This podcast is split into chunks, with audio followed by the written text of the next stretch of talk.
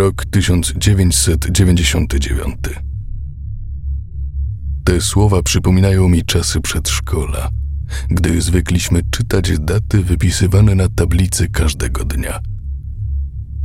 Miałem wtedy pięć lat. Rok 1999 pozostawił uraz w moim umyśle w postaci wspomnień, które nigdy nie odejdą. Nieważne jak bardzo starałbym się ich pozbyć. Ten sam rok zapisał się w moim kalendarzu ucieczką pierwszego mlecznego zęba, pierwszą podróżą samolotem, a także utratą mojej dziecinnej niewinności. To jedno wspomnienie, które nie chce zostać zatarte. Wszystko zaczęło się od nowego, przynajmniej dla mnie, telewizora. W tamtym okresie Pokémony były czymś, o czym mówiły wszystkie dzieciaki. Karty z Pokémonami, gry, naklejki i najpopularniejsze serial animowany. Oczywistym więc było, że za każdym razem, gdy wracałem z przedszkola, siedziałem przyklejony do telewizora, póki nie zaczęła się ta bajka o piątej po południu. Jedynym problemem było to, że mój tata oglądał wiadomości o 5.30, a codziennie leciały dwa niepowtarzane odcinki Pokémon, co oznaczało, że omijałem prawie cały odcinek każdego dnia. Marudziłem przez to tacie niemiłosiernie. On jednak chyba w końcu zmęczył się słuchaniem tego dzień w dzień, ponieważ niedługo potem kupił kolejny telewizor. Wstawił nowo kupiony sprzęt do mojego pokoju. Niestety, było to stare, małe pudło ze śmieszną anteną. Posiadało tylko 20 dostępnych kanałów, bez kanału, na którym leciały Pokémony. Mimo to stwierdziłem, że nie był to duży problem. Byłem w niebo wzięty faktem, że mam swój własny telewizor w pokoju.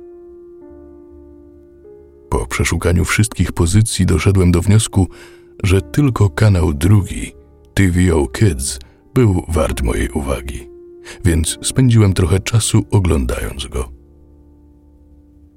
Tak było do czasu, kiedy odkryłem kanał 21. Pewnego dnia w kwietniu skakałem pomiędzy programami, próbując sprawdzić, czy nie lecą Pokemony.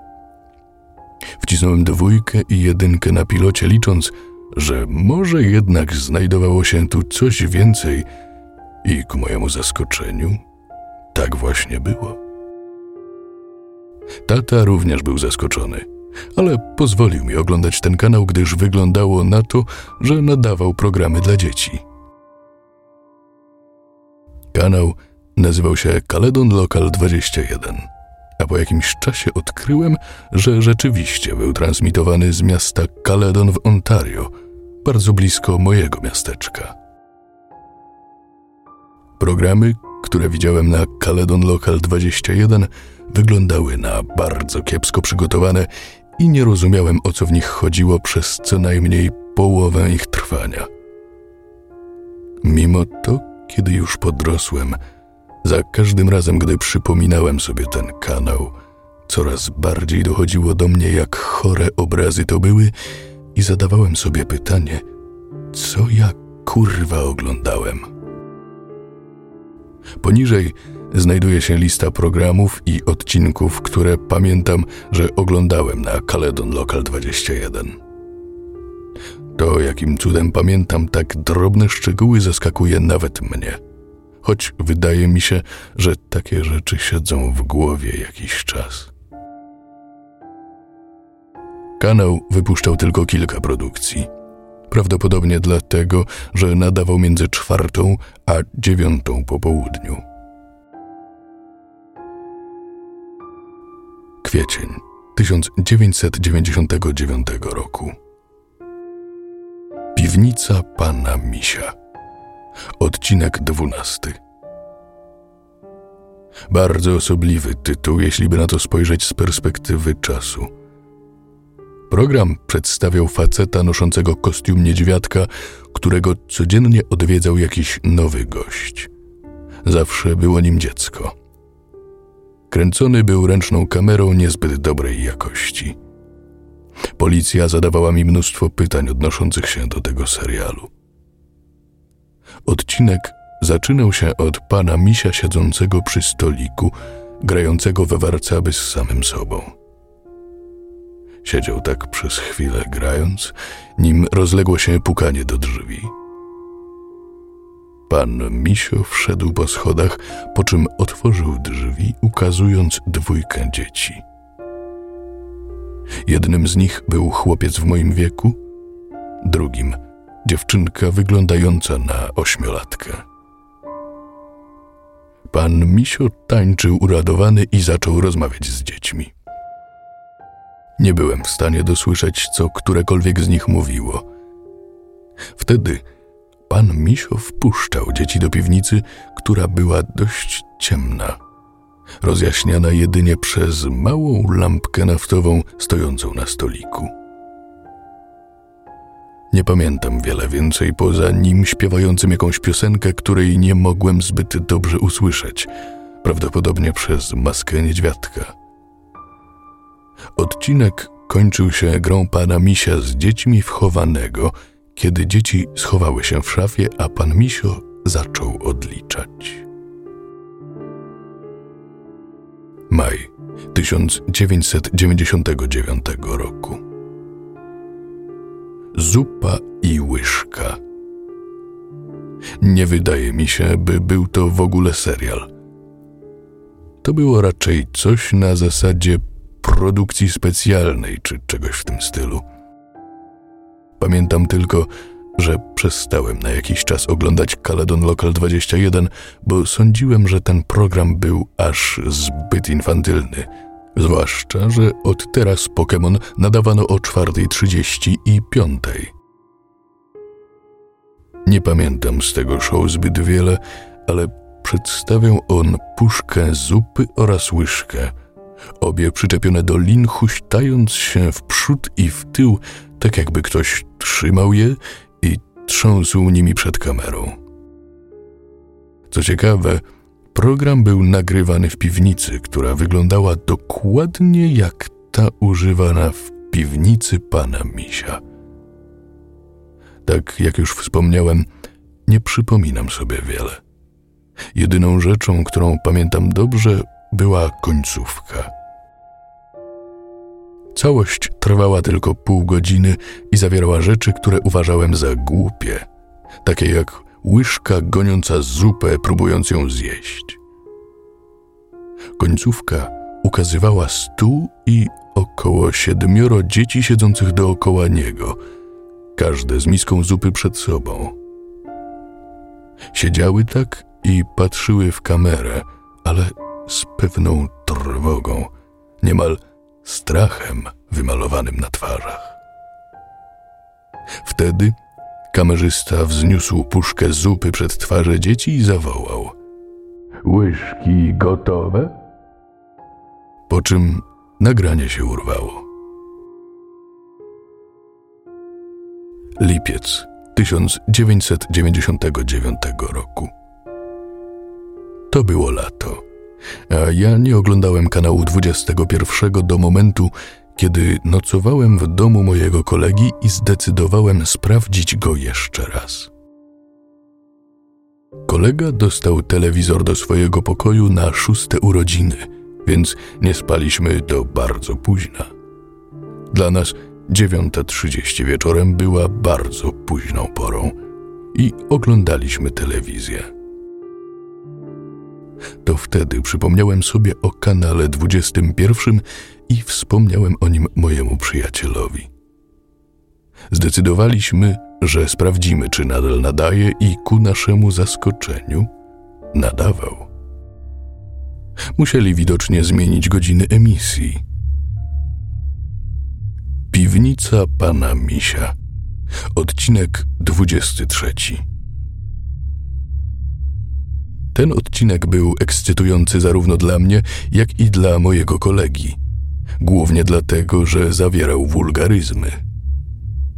Jednak teraz, kiedy myślę o tym odcinku, zdaję sobie sprawę, że było coś bardzo nie w porządku w sposobie jego nakręcenia. Rozpoczął się z kamerą leżącą na boku, filmującą pana misia wchodzącego po schodach do drzwi od piwnicy. Po chwili obraz przygasł na około sekundę, zanim znów pojawił się, tym razem prosto, pokazując pana misia.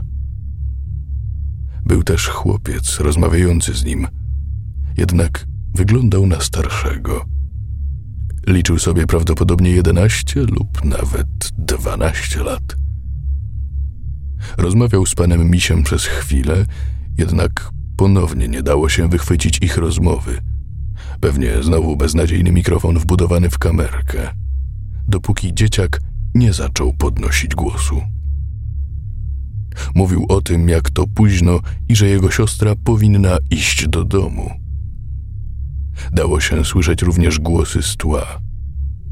Pamiętam, że pan Misio powiedział dokładnie: Wypierdalaj stąd, nie jesteś zaproszony.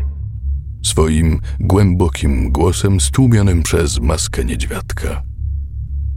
Mój przyjaciel i ja patrzyliśmy na siebie i śmialiśmy się z zabronionego słowa, którego użył pan Misio, ale odcinek zrobił się jeszcze dziwniejszy. Chłopiec zaczął wspinać się po schodach, zanim nie odwrócił się i nie ogłosił, że zadzwoni na policję. Pan Misio ruszył w stronę dzieciaka, który zaczął krzyczeć i uciekać. Wtedy kamera wyłączyła się i tak odcinek się zakończył. Kanał przełączył się w szum w chwilę później.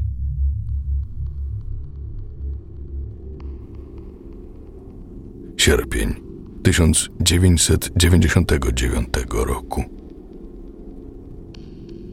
Nie oglądałem kanału 21 od dłuższego czasu. W sierpniu jednak z jakiegoś powodu nabrałem ponownie ochoty na obejrzenie piwnicy pana Misia. Ostatni epizod, jaki widziałem, był dość osobliwy i zawierał przekleństwa, co dało mi do zrozumienia, że show mógł być kierowany do nastolatków. Pomimo to, włączyłem kanał 21, gdy ojciec nie patrzył. Piwnica pana Misia. Odcinek 28. Najwidoczniej ten odcinek był transmitowany przez cały miesiąc.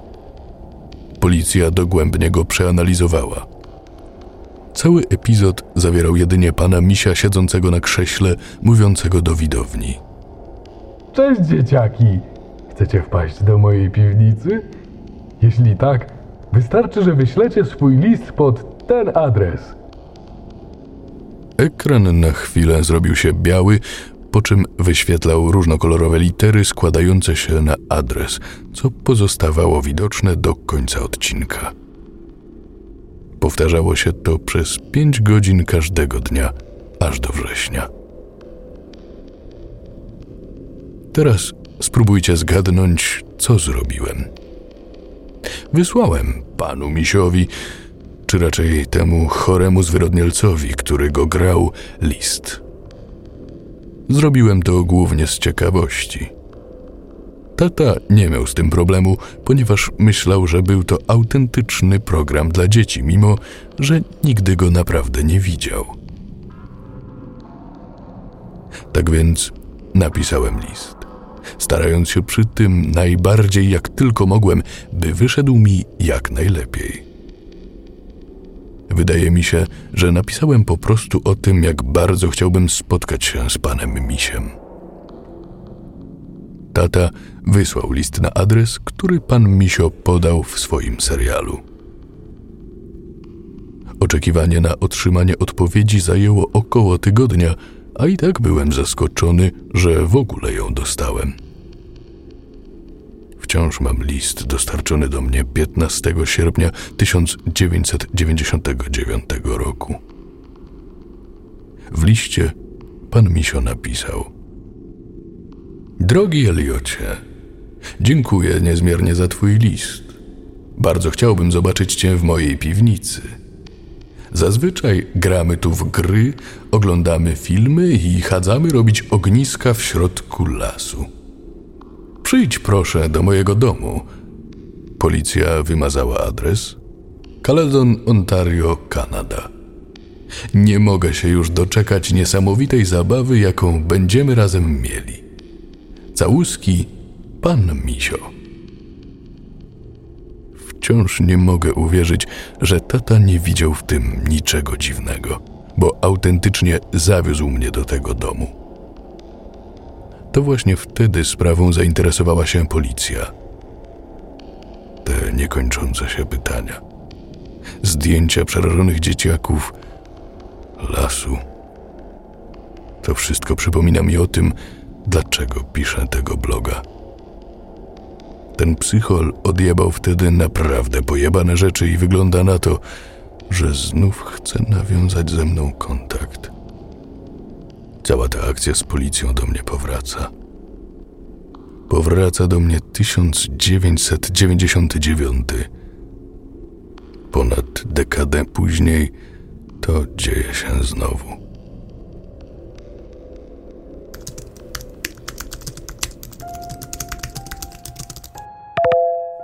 Aktualizacja 14 listopada 2009 roku.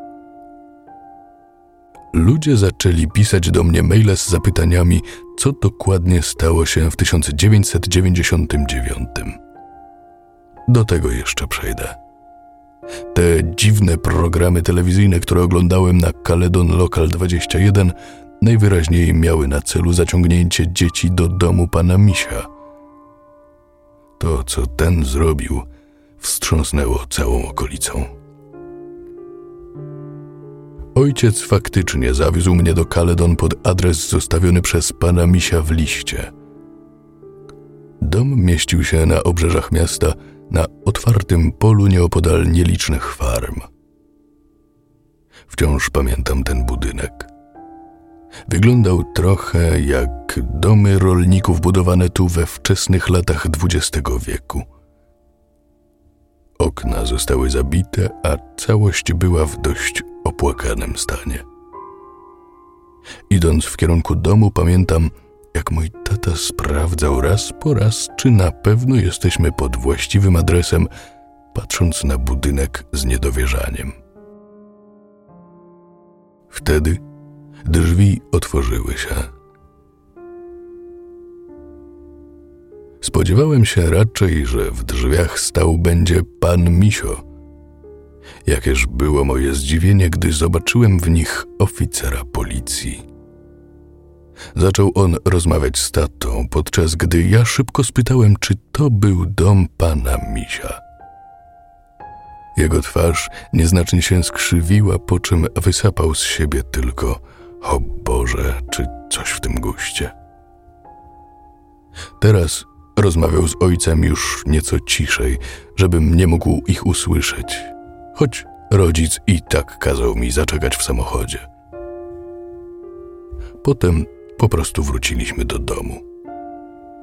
Tata nie odezwał się ani słowem przez całą drogę. Czułem, że coś dziwnego właśnie się wydarzyło. Nigdy nie powiedział mi, co się stało. W sumie to sam po jakimś czasie o wszystkim zapomniałem. Kanał 21 nie był już wyświetlany, a kiedy zapytałem o to tatę, ten zaprzeczał, aby coś takiego kiedykolwiek istniało. Wydaje mi się, że miałem dopiero 13 lat, kiedy poznałem prawdę. Pewnego dnia przypomniałem sobie o kanale 21 i spytałem o to ojca. Wydaje mi się, że wtedy po prostu postanowił w końcu, że powinienem usłyszeć fakty. Caledon Local 21 był lokalną stacją telewizyjną działającą od września 1997 do sierpnia 1999 w regionie Peel w Ontario. Całość transmitowana była z małego domku w Caledon, tym, który odwiedziliśmy, i tworzona przez mężczyznę nieznajomego nikomu w okolicy. Kanał był dostępny tylko na starszych telewizorach wyposażonych we wcześniejszą wersję anten nazywanych króliczymi uszami, które wyłapywały słabsze częstotliwości. Facet sam stworzył wszystkie programy na tym kanale. Wszystkie były programami dla dzieci. To on był panem misiem i tajemniczym kamerzystą. Jednak prawdziwy cel, dla którego założył Caledon Local 21, był nawet bardziej bestialski niż początkowo przypuszczano. Jak prawdopodobnie się już domyślacie, porywał dzieci i przetrzymywał je w swojej piwnicy. Jednak, mimo powszechnego przeświadczenia, że był tylko pedofilem, on tak naprawdę chciał użyć tych dzieci do zgoła innego celu. Mężczyzna uciekł ze swojego domu w noc poprzedzającą rozpoczęcie śledztwa. Następnego ranka ja się tam pojawiłem. Nie byłem jedynym dzieckiem, które oglądało Caledon Local 21.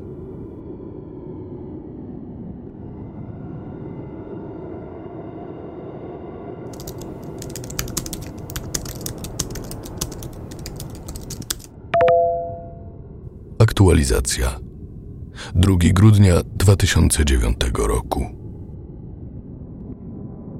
Przepraszam za brak odpowiedzi na żadne z pytań przez tak długi czas. Nie używałem już dość długo mojej skrzynki mailowej. Przechodząc do rzeczy. Jeszcze we wrześniu odwiedziłem ponownie dom należący do człowieka prowadzącego Caledon Local 21. Mieszkały tam dwie kobiety prowadzące przedszkole. Cóż za ironia. Przechodząc do odpowiedzi na pytania, które zadawaliście mi w mailach. Kto jeszcze oglądał Caledon Local 21? Wiem na pewno, że inni ludzie też to oglądali. Włączając w to oczywiście tych, którzy pokazali się w odcinkach piwnicy pana Misia. Po poszukiwaniach w Google znalazłem parę osób na forum NeoSeeker, które dyskutowały o programach z Caledon Local 21. Rozmawiali o dwóch z nich, które oglądałem, ale też o dwóch innych, których nigdy wcześniej nie widziałem. Użytkownik o niku I'm Real Life wydawał się być obeznany we wszystkich seriach, które były transmitowane przez ten kanał. Oto dwie, o których wcześniej nie słyszałem. Upadły anioł i życie. I'm Real Life opisuje ten show jako dość nudną gadaninę jednego człowieka przed kamerą o tym, jak to musimy czcić szatana i zaspokajać go, nim będzie za późno. Maluj z duszą. I'm Real Life i inny użytkownik o nazwie Sigi92 rozmawiali o tym programie. Opisali go jako podobnego do Blair Witch, jako iż zawierał kamerzystę chodzącego nocą po lesie, nie robiącego praktycznie zupełnie nic ciekawego. Poszukam w tych konwersacjach ewentualnie jakiegoś linku. Gdzie jest pan Misio lub człowiek, który nosił kostium? Gdybym wiedział, powiedziałbym wcześniej. Nie mam pojęcia, gdzie ten facet jest, ani czy jest żywy czy martwy, choć mam nadzieję, że martwy. Kiedy następnym razem zobaczę przyjaciela mojego ojca, zapytam go o to. Być może tym razem dostanę nieco bardziej precyzyjną odpowiedź. Co pan Misio zrobił dzieciom?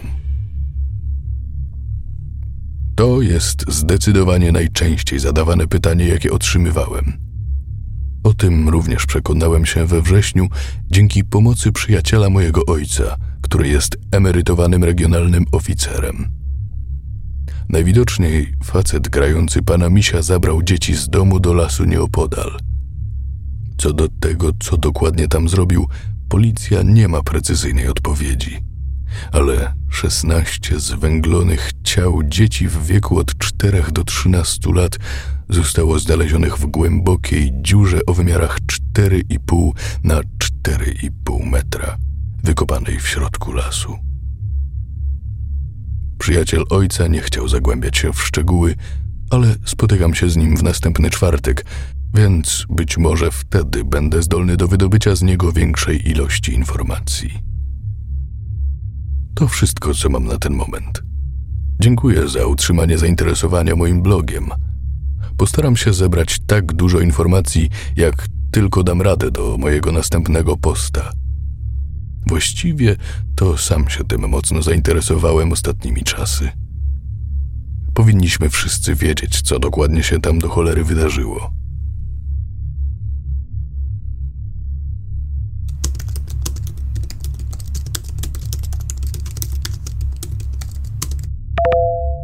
Aktualizacja 14 stycznia 2010 roku. Wybaczcie, że nie postawałem nic przez jakiś czas. Można powiedzieć, że straciłem nieco zainteresowanie prowadzeniem tego bloga, odkąd dotarłem do ślepej uliczki, szukając większej ilości informacji na temat tożsamości właściciela Caledon Local 21. Jednakże parę tygodni wcześniej natrafiłem na coś dużego. Otrzymałem parę odpowiedzi, co zaskakujące, od ojca jednego z dzieci, którymi zwykłem się opiekować. Mieszka naprzeciwko mnie i swego czasu byłem pewnego rodzaju niańką dla jego dzieci, gdy te były młodsze. Kiedyś mieszkał nieopodal lasu za Caledon i zaobserwował działania właściciela Caledon Local 21 w lesie. Nazywa się Antoni Polo. Kiedy mieszkał w niewielkim domku za lasem, zwykł chodzić do niego, by zapalić jointa z marihuany lub dwa przed powrotem do pracy jako stolarz. Polo powiedział, że czasami słyszał głosy dzieci dochodzące z głębi lasu, a także widział światła w oddali.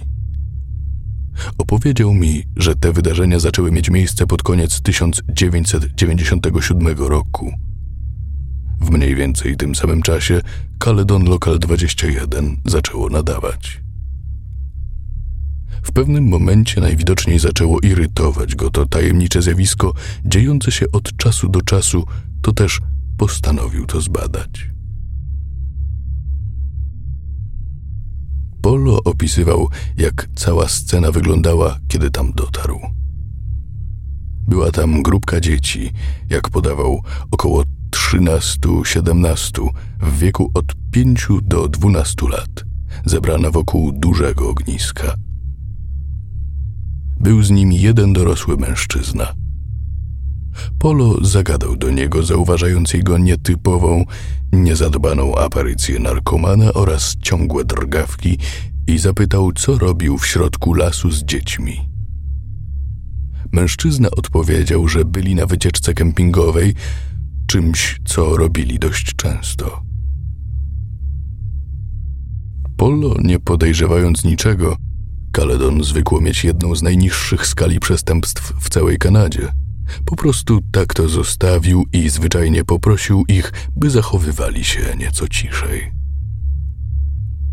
Wtedy wstrzymał się na chwilę, nim powiedział mi, że w zasadzie nigdy nie zaczęli być ciszej. Właściwie z czasem zaczął słyszeć dziwne śpiewy dzieci w jakimś nieznanym mu języku. Nie zabrał się do odwiedzenia mężczyzny po raz kolejny, jako że i tak niedługo się przeprowadzał. Powiedziałem Polo, że ten człowiek to prawdopodobny właściciel Caledon Local 21, ale on w to wątpił, jako że słyszał, iż ów człowiek miał przenieść się do Pickering – od kilku mieszkańców tamtej okolicy. Oto, co na pewno wiem. Człowiek zabierał dzieci do lasu regularnie na wycieczki kempingowe. Ognisko, które opisał Pollo, może być dziurą w ziemi, w której ciała dzieci zostały znalezione. Dzieci, które Pollo widział, prawdopodobnie są tymi znalezionymi w dole. Mężczyzna przeniósł się do miasta zwanego Pickering, mniejszej miejscowości na wschód od Toronto. Porozmawiam o tym z przyjacielem ojca, byłym gliną i zobaczę, czy to pokrywa się z czymkolwiek, co policja wie o tym człowieku. Chciałbym również sprawdzić, czy wie coś na temat tego, co było nadawane przez Caledon Local 21.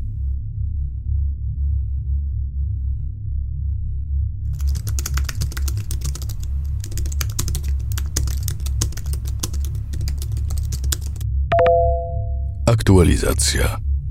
10 lutego 2010 roku.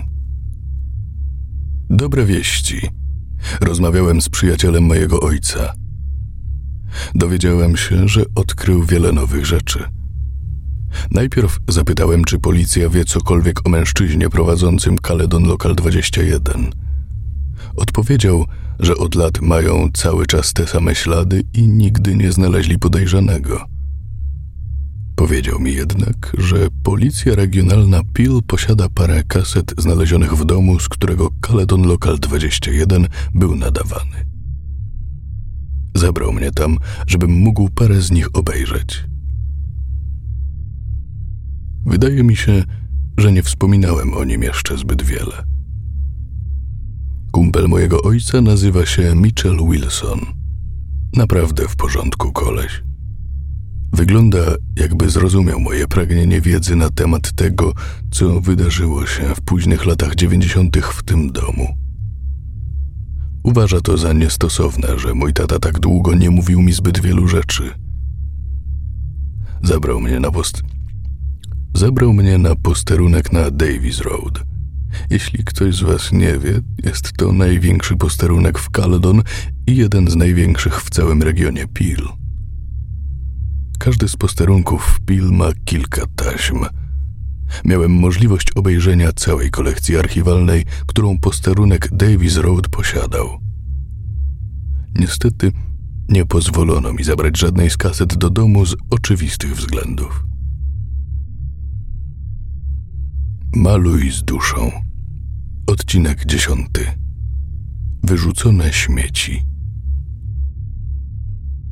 Maluj z duszą był jednym z programów, o których I'm Real Life i Sinji92 pisali na Neoseekerze. Powiedziałem o tym policji, a oni poinformowali mnie, że 12 odcinków serialu zostało stworzonych i było transmitowanych pomiędzy 5 grudnia 1997 a 8 stycznia 1998. Dokładnie tak jak I Am Real Life i Sinji92 opisywali, epizod rozpoczynał się od kamerzysty chodzącego po lesie. Wyglądało, jakby był to wieczór, ponieważ słońce zdawało się zachodzić. Kamerzysta szedł dróżką, póki nie doszedł do miejsca, gdzie mnóstwo śmieci leżało między liśćmi. Kamera okręcała się dookoła, pokazując przeróżne worki, butelki, pudła i inne śmieci, upewniając się, że każdy przedmiot miał swoje kilka sekund czasu ekranowego.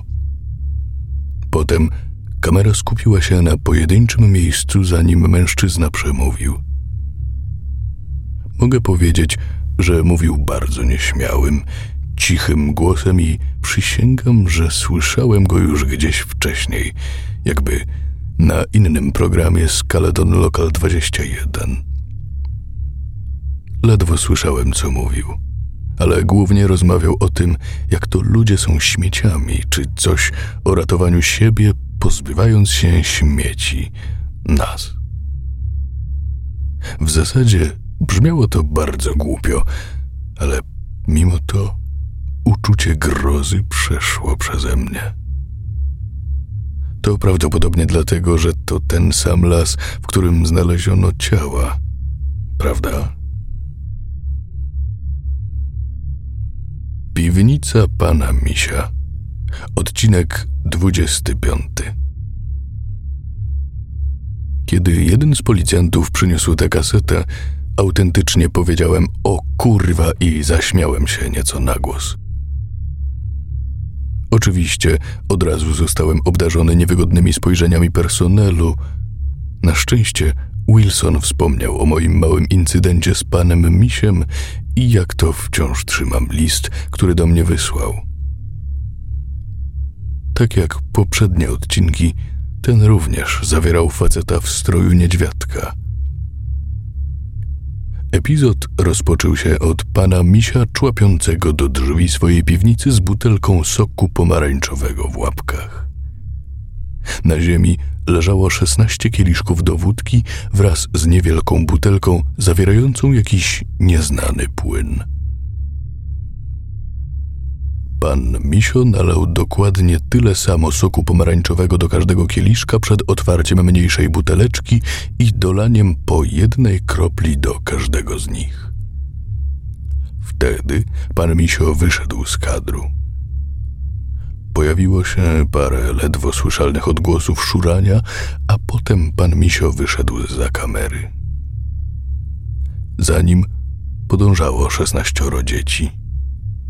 Niektóre wyglądały bardzo młodo, nawet na cztery lata, podczas gdy inne mogły być praktycznie nastolatkami. Gdy dzieci się ustawiły, jeden z policjantów wtrącił, że jest to jedyny materiał przedstawiający wszystkie szesnaście ofiar. Dzieci wyglądały raczej na zadowolone, z wyjątkiem jednego – który miał widoczne siniaki na twarzy i w przeciwieństwie do pozostałych dzieci bardzo posępną minę. Wyglądał na około 11-12 lat, co sprawiło, że go rozpoznałem. Był to chłopiec, który pytał o swoją siostrę, w konsekwencji czego poniósł nieznaną karę na koniec epizodu 23, tego, który oglądałem w lipcu 1999 roku. Kiedy powiedziałem o tym komendantowi, ten potwierdził, że to ten sam chłopiec. Był również widoczny w epizodzie 24. Epizodzie, który transmitowany był tylko raz, o trzeciej w nocy w lipcu roku 99. Policja wciąż nie znalazła tej kasety. Pan Misio zaczął nagle śpiewać o cytrusach i o tym, jak dobrze witamina C działa na organizm. Ledwo dało się usłyszeć tekst, jako że wokal był zniekształcony przez maskę. Wszystkie dzieci wypiły swój sok. Dzieciak z odcinka 23, robiąc to raczej niechętnie, po czym epizod dobiegł końca. Po obejrzeniu wszystkich taśm w posiadaniu komendy Davis Road jestem usatysfakcjonowany, ale tylko chwilowo. Wciąż chciałbym poznać całą historię. Policja wciąż podaje mi to samo gówno o twórcy Caledon Local 21, będącym fetyszystą i pedofilem, jak i prawdopodobnym kultystą. Na ten moment się chwilowo wycofuję. Muszę dostać się na uniwersytet. Potem zdobędę trochę więcej informacji. Mam nadzieję, że wrócę do tego bloga tak szybko, jak to możliwe.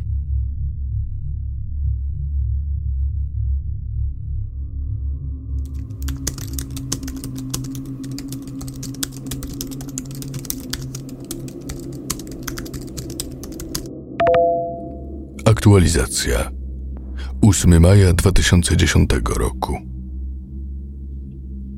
W zeszłym miesiącu dostałem w końcu prawo jazdy kategorii G2. Tutaj w Ontario pozwala nam to jeździć bez opiekuna. Oczywiście skorzystałem z tego od razu i wybrałem się na małą niedzielną przejażdżkę do Caledon. Skoro i tak nie publikowałem na tym blogu już od dłuższego czasu, pomyślałem, że mógłbym wybrać się do domu, z którego niesławny kanał z moich młodych lat był nadawany. Wyglądał inaczej niż we wrześniu, kiedy widziałem go po raz ostatni. Lokal ten nie służył już za przedszkole i po prostu stał tu opuszczony. Mimo to widniał przed nim znak z napisem na sprzedaż, co znaczyło, że ktoś wciąż był w posiadaniu tego domu, chcąc się go jednak pozbyć. Obraz tej rudery przywoływał do mnie wspomnienia, głównie o tym, jak przyjechałem tu z tatą, aby odwiedzić pana Misia.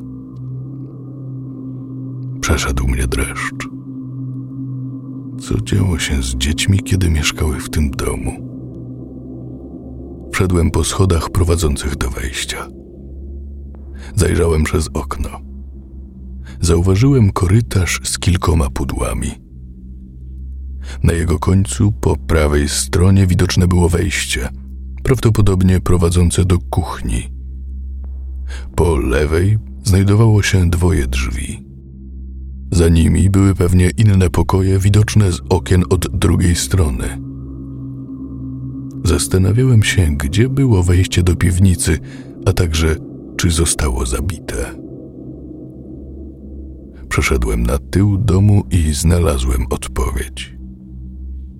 Dwuskrzydłowe drewniane drzwi leżały niemal płasko przy ziemi, zamknięte na kłódkę.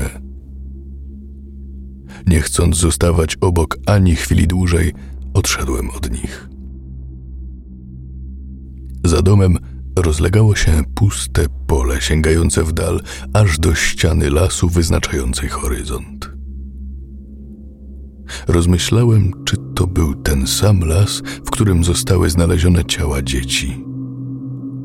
Pomyślałem sobie, jebać to, i ruszyłem polem w stronę lasu.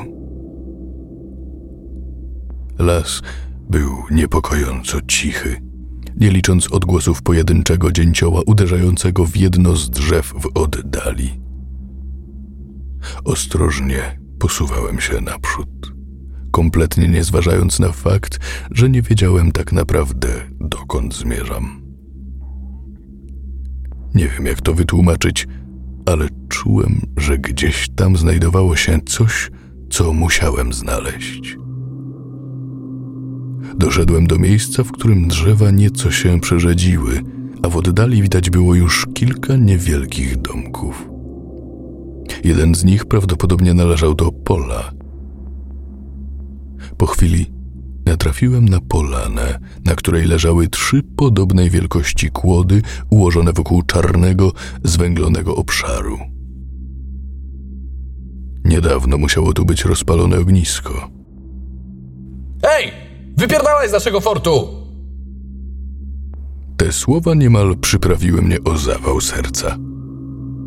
Obróciłem się w lewo i zobaczyłem dwójkę ludzi ubranych na czarno, biegnących w moim kierunku. Z początku chciałem już uciekać, jednak kiedy zbliżyli się nieco bardziej, zauważyłem, że były to dzieciaki wczesne nastolatki w wieku około 13 czy 14 lat, może nawet 12. Gdy do mnie podeszli, zdali sobie sprawę z mojej wysokości. Mierzę sobie nieco ponad 6 stóp, podczas gdy oni niecałe 5 stóp i 8 cali, jeśli nie siadam. Powiedzieliśmy, wypierdalaj powiedział bezuczuciowo nieco wyższy z nich, noszący koszulkę Slipnota. Wzruszyłem ramionami. Nie ruszyłem się nawet o krok. Niższy chłopiec w koszulce metaliki wyjął nóż motylkowy i wymierzył go we mnie.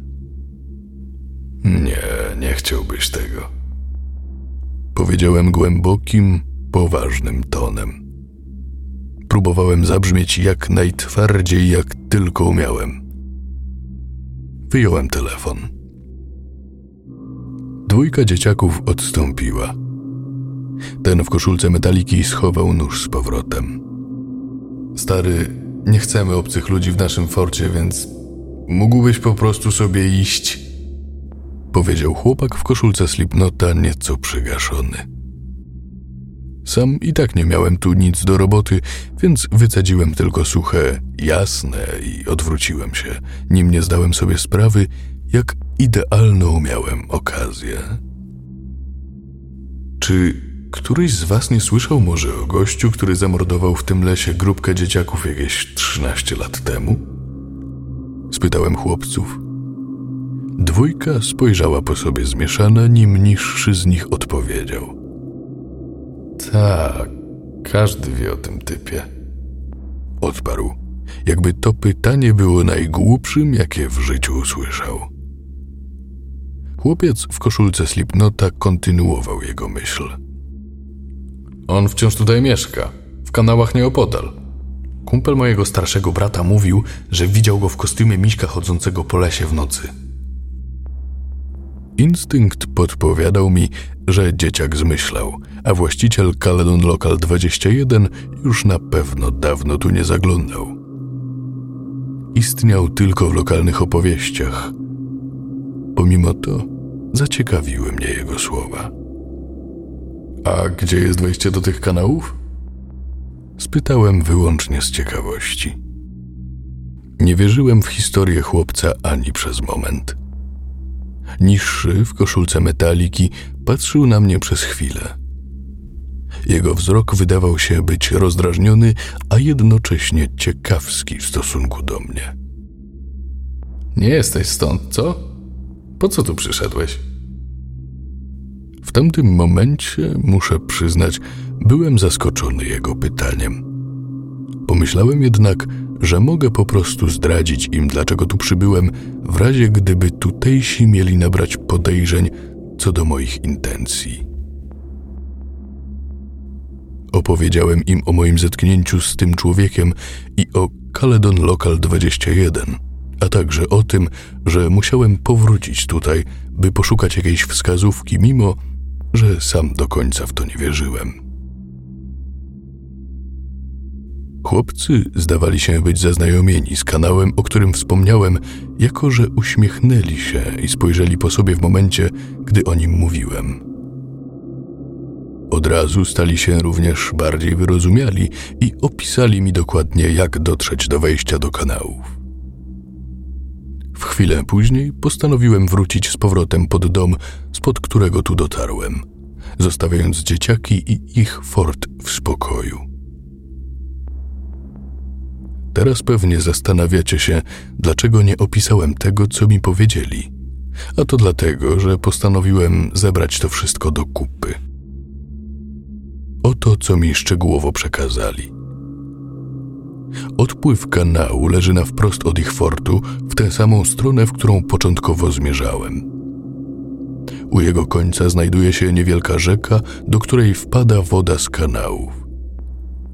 Nieopodal stał plac zabaw, choć chłopcy powiedzieli, że ludzie rzadko z niego korzystają. Człowiek, o którym rozmawialiśmy, prawdopodobnie tam mieszka. Wielu widziało go, choć zawsze noszącego maskę niedźwiadka lub cały kostium. Wciąż nie uważam, że to prawda, a jedynie lokalny mit mieszkańców Kaledon. Ta historia nie wydaje się być zbyt realna. Czemu niby nikt nie zawiadomił policji? Czy ten facet nie był wystarczająco podejrzany? Takie i inne pytania nasuwały mi się, gdy o tym myślałem. Być może sprawdzę kiedyś odpływ tych kanałów. Nie dlatego, że wierzę w tę historię, ale dlatego, by mieć wymówkę do ponownego powrotu do Kaledon, żeby ten blog nie umarł doszczętnie. Z racji braku nowych kaset do obejrzenia, nie wiem o czym mógłbym jeszcze pisać. Dziękuję bardzo za wsparcie mnie i mojego bloga. Wiem, że wielu z Was czeka na informacje o tym, co stało się w Caledon w roku 1999, więc postaram się jak mogę kontynuować moje śledztwo w tej sprawie. Elliot odmeldowuje się.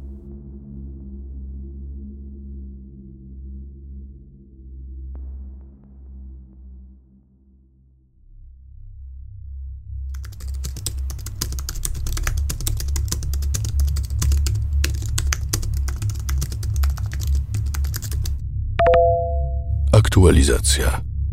7 października 2010 roku. Wow, niemal 5 miesięcy od ostatniej aktualizacji. Domyślam się, że większość z Was pewnie myślała, że już nie żyje, co? Na szczęście żyję. Będąc jednak zupełnie szczerym, muszę przyznać, że byłem dość mocno zajęty przez te ostatnie miesiące, a blog o czymś, co niemal nie zabiło mnie za dzieciaka, nie był teraz jakoś specjalnie wysoko w rankingu moich priorytetów. Na ten moment mieszkam w Waterloo w Ontario. Studiuję na Uniwersytecie Waterloo na Wydziale Inżynierii Komputerowej. Tak, jestem nerdem. Jak zapewne wiecie, inżynieria to nie bułka z masłem, przez co prawie zapomniałem o blogu. Ale, jak możecie zauważyć, jestem z powrotem. W międzyczasie byłem zobaczyć ten odpływ, o którym mówili chłopcy. Znajdował się zaraz za lasem w okolicy bagna. Niestety nic ciekawego tam nie znalazłem. Zrobiłem parę zdjęć, które zamierzałem zamieścić na blogu. Jednak, gdy wróciłem do domu z Kaledon, zapomniałem o nich. To wszystko po prostu nie wydawało się być już tak istotne. Wybaczcie, proszę. Ostatnio jednak zainteresowanie sprawą trochę do mnie wróciło w momencie, kiedy otrzymałem 10 września maila z adresu returntheb.hotmail.com. Zabawne, co? Cóż, będzie ciekawiej. Skopiuję i wkleję zawartość maila, którego otrzymałem od tego gościa. Drogi Eliocie, mój drogi, drogi chłopcze. Widzisz, ta historia mogła lub też nie wydarzyć się naprawdę. Jest mnóstwo wolnych stacji do wykupienia w publicznej telewizji.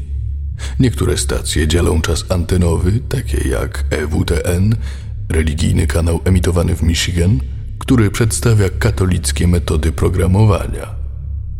Lecz w czasie, gdy nie nadaje, lecą inne, niezależne programy lub wyświetlany jest zwykły blue screen.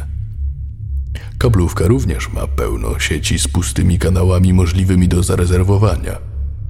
Scenariusz, w którym pedofil wynajmuje taki kanał w zwykłej telewizji, nie jest wcale tak nieprawdopodobny. Telewizja publiczna jest szeroko oglądana przez cały czas i może być w każdej chwili ściągnięta. Jednak takie zasady panują w Stanach Zjednoczonych, nie w Kanadzie, gdzie ta historia miała miejsce. Gdyby więc coś takiego wydarzyło się właśnie tam, pedofil zostałby namierzony i aresztowany natychmiastowo. Ta wersja mogłaby się wydarzyć, choć jest to mało prawdopodobne. Sto puchowych przytulasów. Pan Misio. To oczywiste, że ten list jest sfałszowany i prawdopodobnie zawiera jakiegoś wirusa. Niemniej jednak dziękuję temu, ktokolwiek to wysłał, choć mógłby wziąć parę lekcji angielskiego. Samo czytanie tego listu mnie zaniepokoiło, ale dzięki temu jestem teraz pełen determinacji, żeby kontynuować tego bloga. Zgaduję, że to zwyczajnie mało zabawna metoda zmotywowania mnie do odgadnięcia sekretów, o których zawsze myślałem. Teraz i mój współlokator wie o tym wszystkim. On akurat twierdzi, że list jest prawdziwy i był dużo bardziej przejęty niż ja w pierwszym momencie. Potem jednak otrząsnąłem się z tego wszystkiego i on najwidoczniej również. Bo w sumie Jakie są szanse na to, żeby to było prawdziwe? Jak pan Misio miałby wiedzieć o tych dostępnych kanałach i o tym, kiedy odwiedziłem Kaledon? Tak czy siak, znał mój adres e-mail i wiedział, że wciąż byłem zainteresowany jego piwnicą. Zamierzam napisać odpowiedź do Return the Bee. Nawet patrząc na ten adres, można stwierdzić, że ktoś chciał mnie po prostu nastraszyć. Nie dało to jednak oczekiwanego rezultatu. Kimkolwiek jesteś, mimo wszystko dzięki za rozpalenie na nowo mojego zainteresowania w tej sprawie. Być może uda mi się dowiedzieć, co stało się z panem Misiem. Mam nadzieję, pomimo że nie kupuję jakoś tego maila, część mnie czuje pewnego rodzaju niepokój. Dziękuję raz jeszcze wszystkim tym, którzy wciąż śledzicie moje poczynania i rozwój tego bloga. To dzięki Wam decyduję się to kontynuować.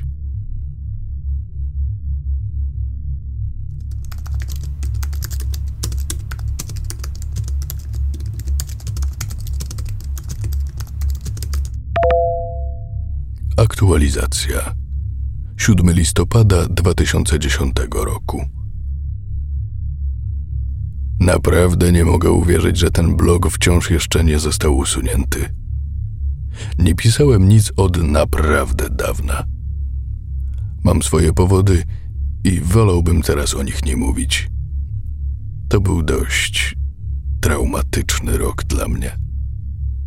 Niektórzy z Was mieli rację, że nie powinienem był rozkopywać tajemnic mojego dzieciństwa, ale nie mogłem się temu oprzeć. Minął miesiąc, odkąd pisałem ostatni raz, i dużo się działo od tamtego czasu. Pozwólcie, że przypomnę, na czym skończyliśmy, jeśli chodzi o tę całą sytuację z panem Misiem. returntheb.hotmail.com nie jest już aktywny. Próbowałem odpisać, ale nie dostałem odpowiedzi. Spróbowałem ponownie jakiś czas później. Wciąż nic. Przeprowadziłem się do Ottawy, stolicy Kanady, jeśli ktoś z Was nie wie, aby tu studiować, więc nie było mnie w Caledon ani w domu w regionie Peel przez jakiś czas. Miałem swoje powody, by się przenieść, jak możecie się domyślać. Musiałem założyć nowego maila, ponieważ ludzie wciąż wysyłali do mnie żartobliwe maile, podszywając się pod pana misia. Dzięki bardzo, chłopaki. A tak naprawdę to nie. Dlaczego jednak zdecydowałem się wrócić do tego bloga? Mitchell Wilson, były policjant, kumpel mojego ojca, jeśli ktoś nie pamięta, zadzwonił do mnie 23 września i powiedział mi o kasecie, którą znalazł w publicznej bibliotece w Brampton. Brampton to moje miasto rodzinne, jeśli jeszcze nie zauważyliście. Twierdził, że nie mógł rozmawiać ze mną o szczegółach taśmy, jako że ta widniała jeszcze jako dowód w sprawie, ale poprosił mnie, bym przyjechał to sprawdzić, gdy tylko wrócę do domu. Ta kaseta sprawiła, że ponownie zacząłem o tym wszystkim myśleć, ponieważ wszyscy doskonale wiemy, co było na ostatnich nagraniach, które widziałem. Mogłem się tylko domyślać, co mogło znajdować się na tej taśmie. Prawdopodobnie coś związanego z Caledon Local 21. Chciałem tylko powiedzieć, że zamierzam kontynuować tego bloga i podziękować wszystkim tym, którzy wciąż go śledzą. Nie mam pojęcia, kiedy pojawi się następny wpis, ale kiedy obejrzę tę taśmę, napiszę, co widziałem. Nie wiem, czego mam się spodziewać, ale wizja zobaczenia kolejnego nagrania sprawiła, że zainteresowałem się tą tajemnicą na nowo. Elliot.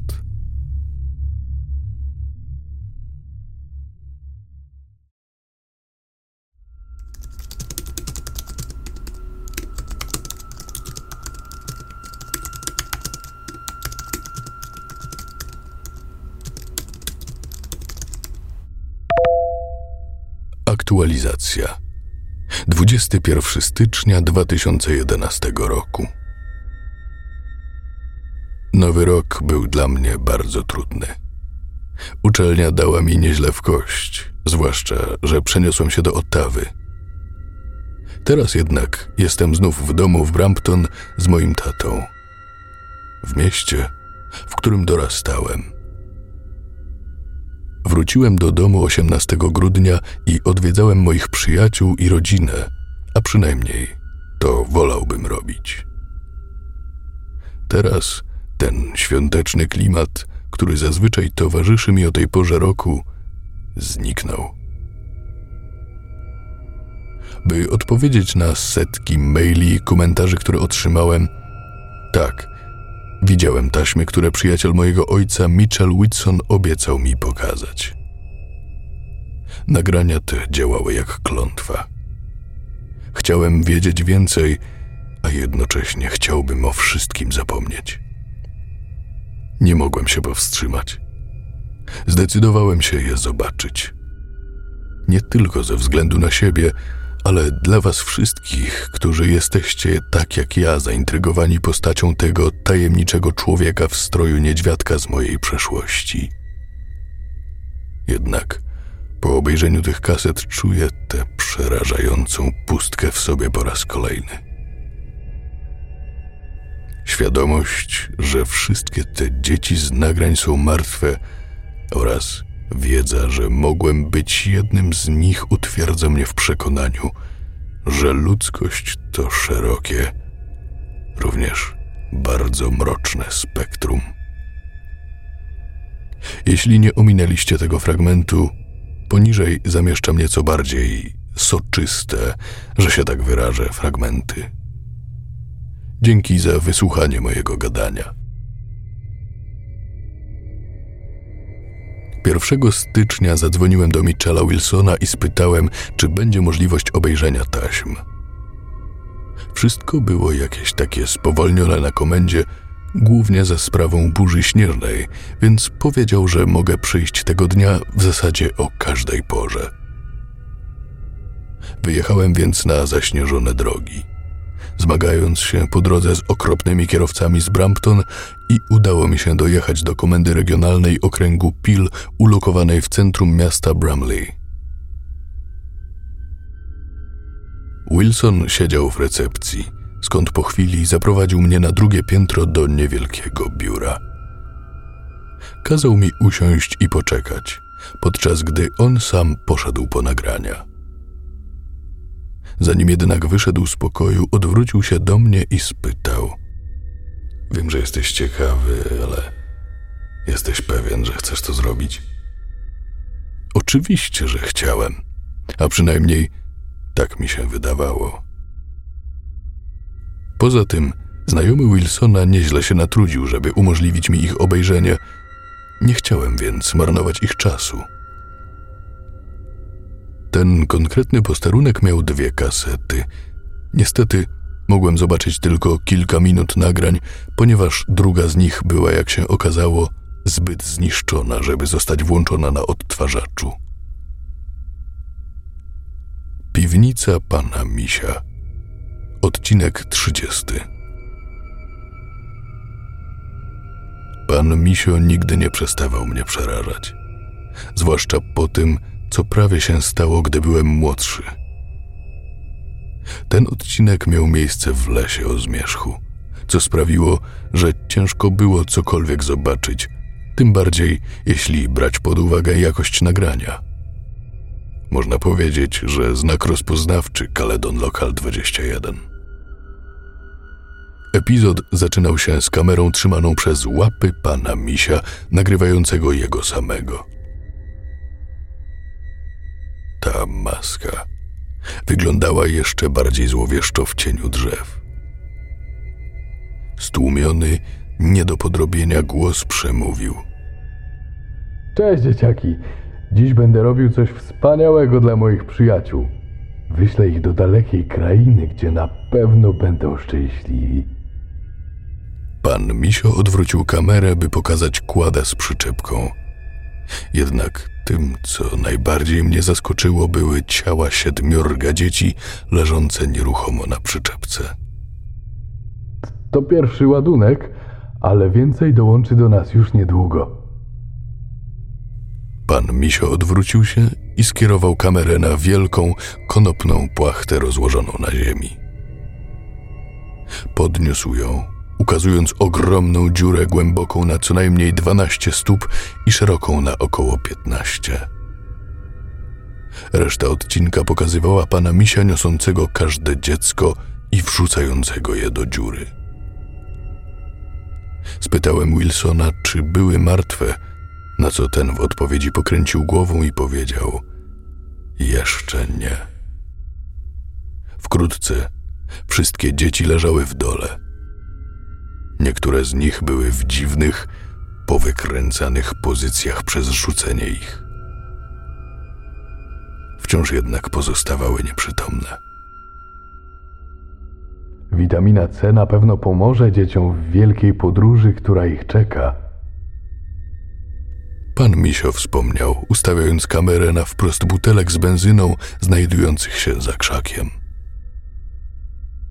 Kamera zrobiła zbliżenie na butelki, kiedy pan Misio mruknął na moment przed końcem odcinka.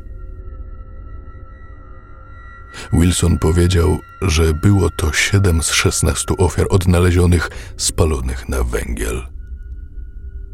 Pan Misio użył benzyny w butelkach, by je podpalić. Dół wypełniony palącymi się dziećmi. Kto kurwa mógłby zrobić coś takiego? Przerażenie ogarnęło mnie po raz kolejny, kiedy ponownie zdałem sobie sprawę, że sam mogłem być jednym z tych dzieci.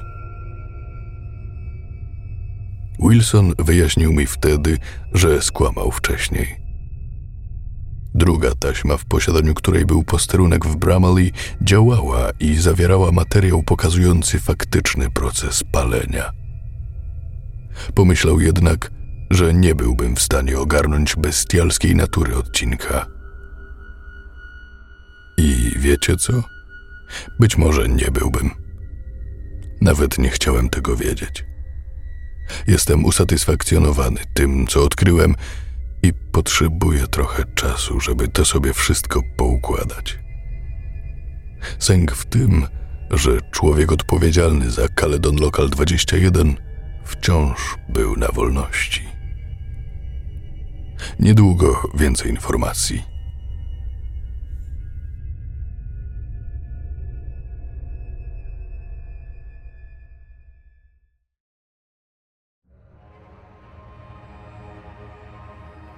INRI. Pewnego razu był sobie chłopiec imieniem Elliot. Elliot był bardzo bystrym chłopcem, który uwielbiał bawić się ze swoimi przyjaciółmi. Pewnego dnia obejrzał uroczy program telewizyjny o misiu i jego małych przyjaciołach. Dzieci uwielbiały pomagać sobie nawzajem, tak jak to grzeczne dzieci powinny, ale uwielbiały również misia. Miś kochał dzieci, ponieważ dzieci były tak dobre w pomocy jemu i upadłemu aniołowi. Dzieci pragnęły zostać z misiem na zawsze z pomocą ich przyjaciela anioła ale upadły anioł potrzebował jeszcze więcej pomocy, więc dzieci musiały dokonać największego poświęcenia. Ponieważ tak postępują przyjaciele, Elliot, pomagają sobie nawzajem. Pomóż nam, Elliot. Płoń z nami, Elliot. Chce ciebie, Elliot. On ciebie chce, Elliot. Wróć do mojej piwnicy. Proszę, najpiękniej na świecie. Pan Misio. I-N-R-I.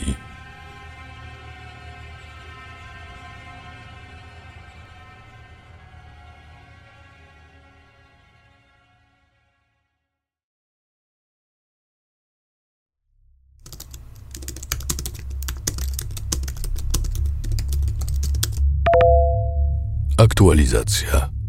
5 kwietnia 2011 roku. Chciałem napisać coś jeszcze. Naprawdę chciałem. Niestety, pewne okoliczności cały czas odwracały moją uwagę od tej całej sprawy z Caledon Local 21. Dostałem do tego czasu setki maili dotyczących mojego bloga. Kontaktował się ze mną nawet jeden magazyn w sprawie mojej historii. Teraz jednak nadszedł czas, by szczerze przyznać się przed wami wszystkimi, gdzie byłem przez cały rok. Opowieść o puszce Pandory jest prawdziwa i ja ją otworzyłem. Otworzyłem ją, kiedy zobaczyłem drugą taśmę posterunku Bramley. Kolejną rzeczą, którą chciałbym poruszyć, jest ilość żartów, podszywanych maili, które otrzymałem od ludzi twierdzących, że są panem misiem. Zacznijmy jednak od drugiej kasety, jako że to wstrząsnęło mną do tego stopnia, że zaprzestałem tymczasowo moich poszukiwań. Po paru tygodniach ciszy zdecydowałem się zapytać Michela Wilsona, czy mogę zobaczyć tę niesławną drugą kasetę, o której opowiadał. Nie wiem dlaczego. Po prostu czułem, że zobaczenie jej rozjaśni mi tę sytuację. Wilson był oczywiście niechętny do pokazania mi jej, ale byłem nieugięty. Złożył mi propozycję. Jeśli wciąż byłbym zainteresowany obejrzeniem tej taśmy w momencie skończenia przeze mnie dwudziestki, pokaże mi ją. Nie będąc w stanie zrobić nic innego, czekałem po prostu do moich dwudziestych urodzin.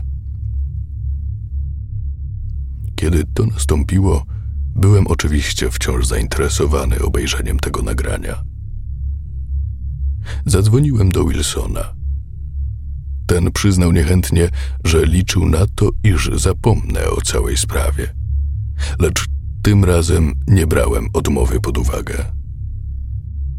Naprawdę nie chcesz tego oglądać? Powtarzał mi cały czas, ale ja musiałem. W tamtym momencie nie mogłem już się cofnąć.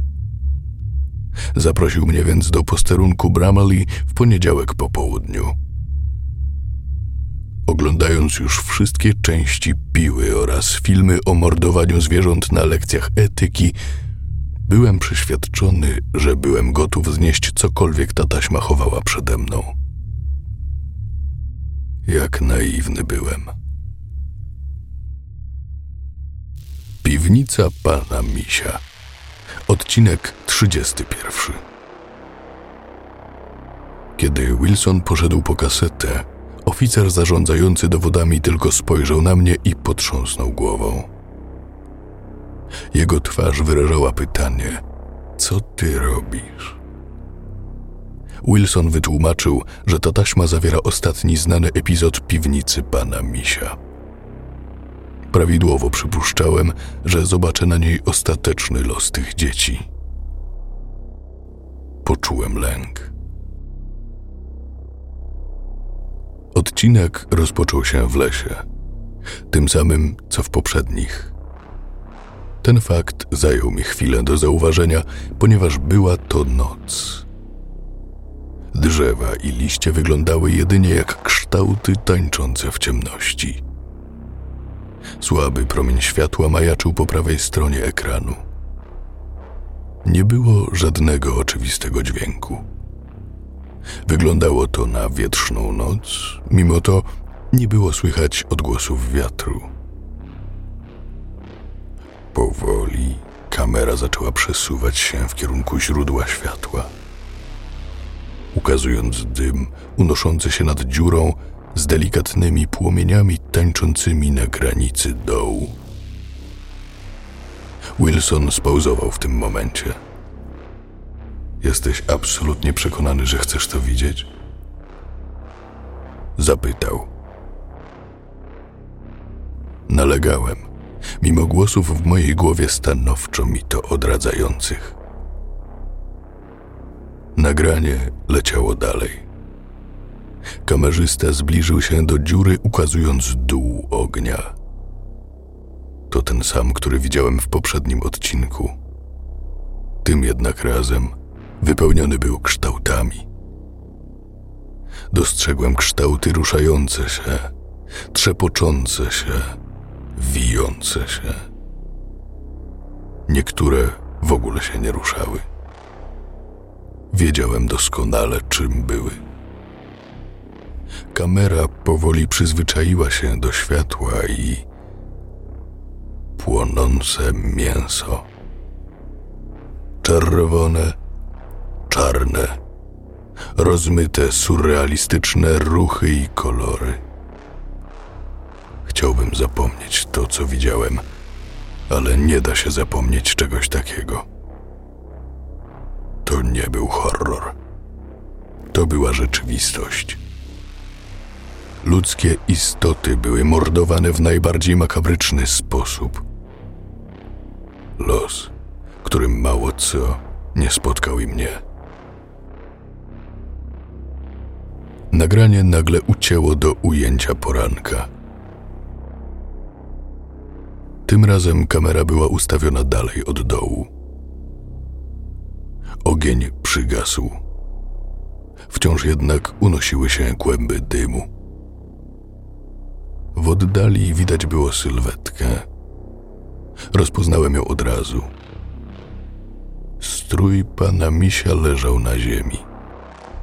Pusty wyglądał równie koszmarnie. Kostium był ułożony w kształt krzyża. Kamerzysta okrążył go, traktując go jak drogocenny artefakt. Na masce kostiumu leżał znak. Czerwonymi, wyraźnymi literami napisane było INRI. Kamerzysta cofnął się do końca stroju, zbliżając na twarz niedźwiadka. Odcinek wreszcie się urwał.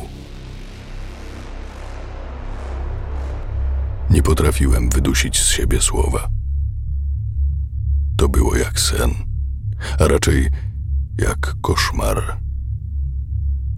W internecie można natrafić na wiele okropnych rzeczy, ale czegoś takiego jak to jeszcze nie widziałem.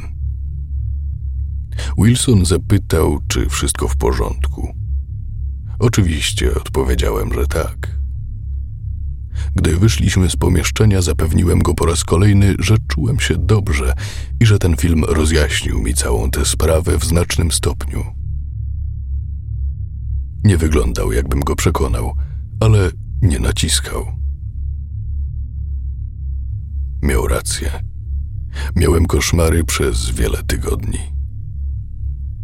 Poddałem się. Nie obchodzi mnie to już w ogóle. Jakiś psychol spalił żywcem grupkę dzieci, przyciągając ich do siebie nieprawdziwym kanałem telewizyjnym. Ja mogłem być jedną z tych ofiar. Mimo to jestem tutaj. Wydawać by się mogło, że powinienem być wdzięczny, ale czuję się winny.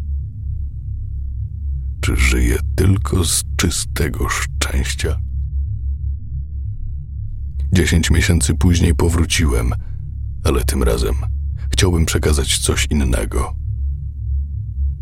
Mój e-mail został kompletnie zalany wiadomościami.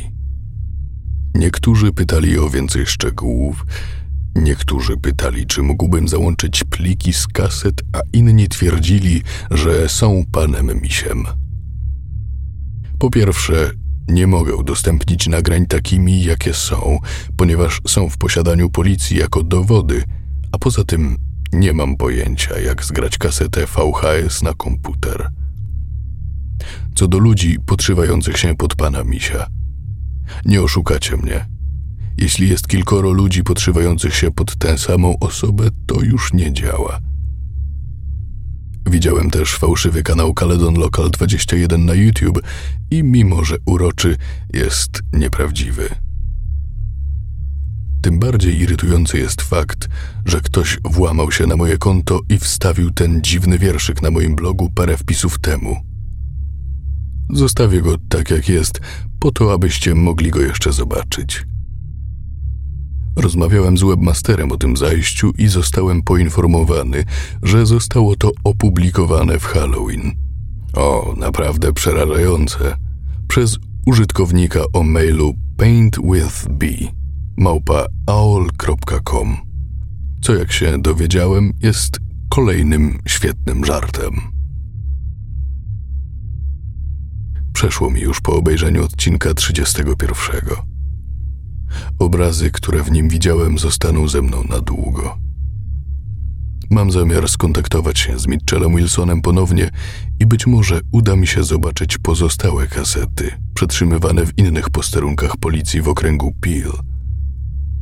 Postaram się napisać coś nowego, jak tylko będę mógł.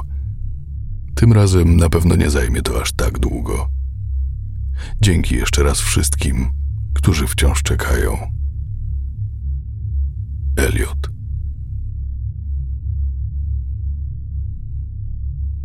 Scenariusz Camden Lamont przełożył i czytał Marcin Pleskacz.